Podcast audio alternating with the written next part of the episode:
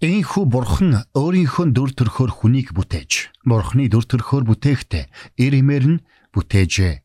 Эхлэл 1:27. Мэргэний сонсог мэдлэгэд хэлэг.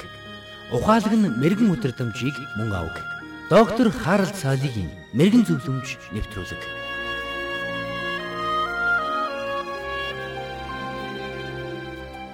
Авралын армийн багийнхны зохион байгуулж байсан нэгэн уулзалтын үеэр нэгэн хамтлагийн бөмбөрчин байсан залуу амьдрал нь хэрхэн өөрчлөгдсөн талаар ингэж ярьжээ. Христэд итгэхээс өмнө би маш их архиудаг байсан. Харин одоо би уухай болсон.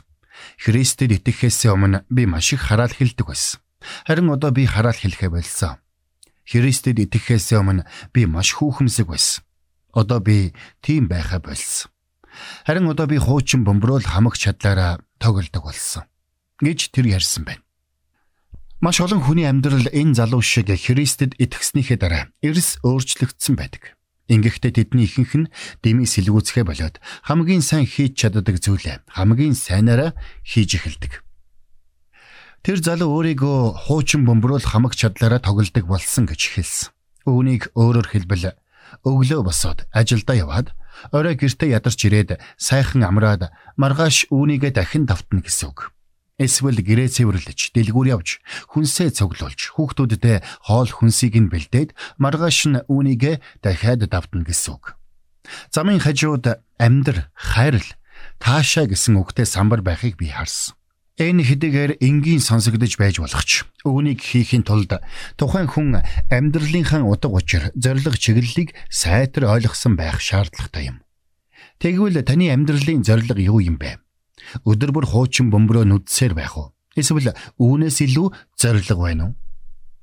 Орчин үеийн Христ итгэлийн нэрд сэтгэгч Фрэнсис Шайфер нэгэнтэй Бурхны дүр төрхөөр бүтээгдсэн хүний хувьд Бурхантай харилцаатай байх зоригтойгоор бүтээгдсэн.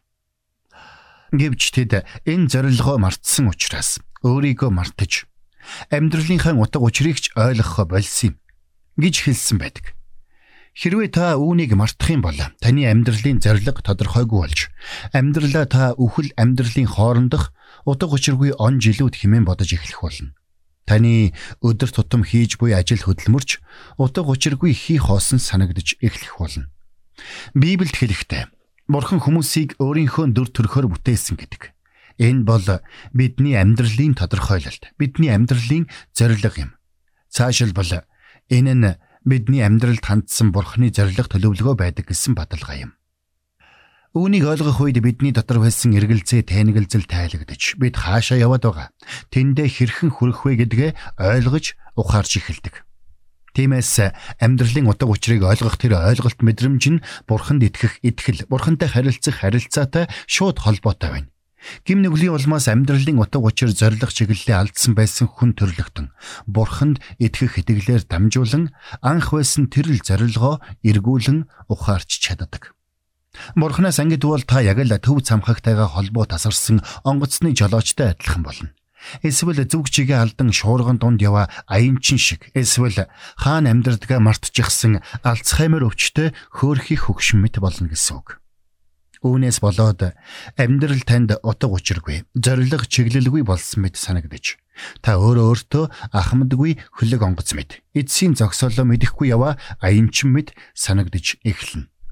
Тэгвэл бид Фрэнсис Шаферийн хэлсэнчлэн бурхантай харилцах харилцаагаа хэрхэн сэргээх вэ? Эхний алхам бол танд бурхантай харилцах харилцаа хэрэгтэй гэдгийг хүлээн зөвшөөрөх явдал юм. Библиэд хэлэхдээ бид бүгд хончингүй хонин сүргэмэд төөрөн одсон гэсэн байдаг. Үнэн дээр бидний хувьд амьдралынхаа зорилгыг ойлгоогүй. Амьдралдаа бүрэн дүүрэн сэтгэл хангалуун бус яваага хүлээн зөвшөөрөхөд тийм ч хэцүү биш юм. Тиймээс та зүрхэндээ. Тийм ээ надад бурхан хэрэгтэй хэмээн хүлээн зөвшөөрөөрэй. Хоёр дахь алхам бол бурхан таныг өөртөөгөө эвлэрүүлэхийн тулд өөрийн хүүг дэлхий рүү илгээсэн гэдгийг ойлгох явдал юм. Тиймээс та түүнийг аврагч эзнээ болгон хүлээн авах юм бол тэр л мөчөд та бурхантай холбогдох болно. Эзэн Есүс нэгэн удаа шавнартаа би та нартай хамт ийм удаан байхад чи намайг таньж мэдсэнгүй гэж юу? Намайг харсан нь эцгийг харсан. Гэтэл бидэнд эцгээ харуулаач гэж чи яаж хэлнэ вэ? Иохан 14:9 химэн хэлж байсныг та санаарай. Тэгвэл таны хийх ёстой сүүлчийн алхам бол Бурхан таныг хэрхэн амьдраасаа гэж хүсдэг болохыг олж мэдэх явдал юм. Бурханаас танд өгсөн амьдралын зорилгыг гүйцэлдүүлэхийн тулд Бурхан таныг хэрхэн амьдраасаа гэж хүсдэг болохыг та ойлгох хэрэгтэй. Үүнийг та Библийн хуудсан дээрээс олж уншиж чадна.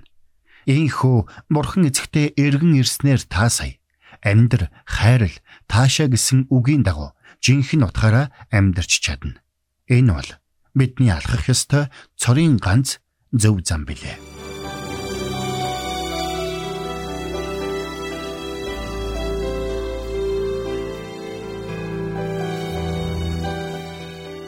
Мэргэн нэгнийг дагуул мэргэн, мулгуутай нөхөрлөл хорлол.